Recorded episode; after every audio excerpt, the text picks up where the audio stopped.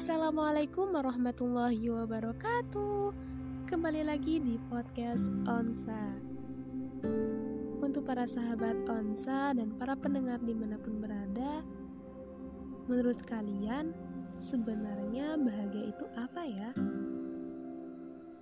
18 triliun orang di dunia ini memiliki versi kebahagiaannya masing-masing ada yang menganggap bahwa kebahagiaan itu adalah saat kita bisa melakukan apa yang kita sukai tanpa merugikan orang lain, ataupun saat kita tidak menyesalinya dan sudah tidak menjadi beban orang lain lagi. Ada yang menganggap bahwa kebahagiaan itu adalah saat aku bisa mencintai diriku secara total gitu, tanpa memperdulikan kekurangan ataupun apa yang dikatakan orang lain terhadap kita. Karena apa? Karena kita sudah menerima diri kita sendiri apa adanya.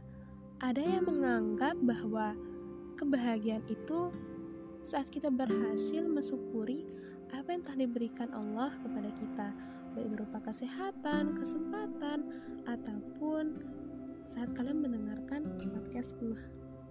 Ada yang menganggap bahwa kebahagiaan itu adalah adalah suatu ketenangan ataupun kedamaian. Tidak ada satupun orang yang bisa mengganggunya ataupun saat dia merasa sangat damai.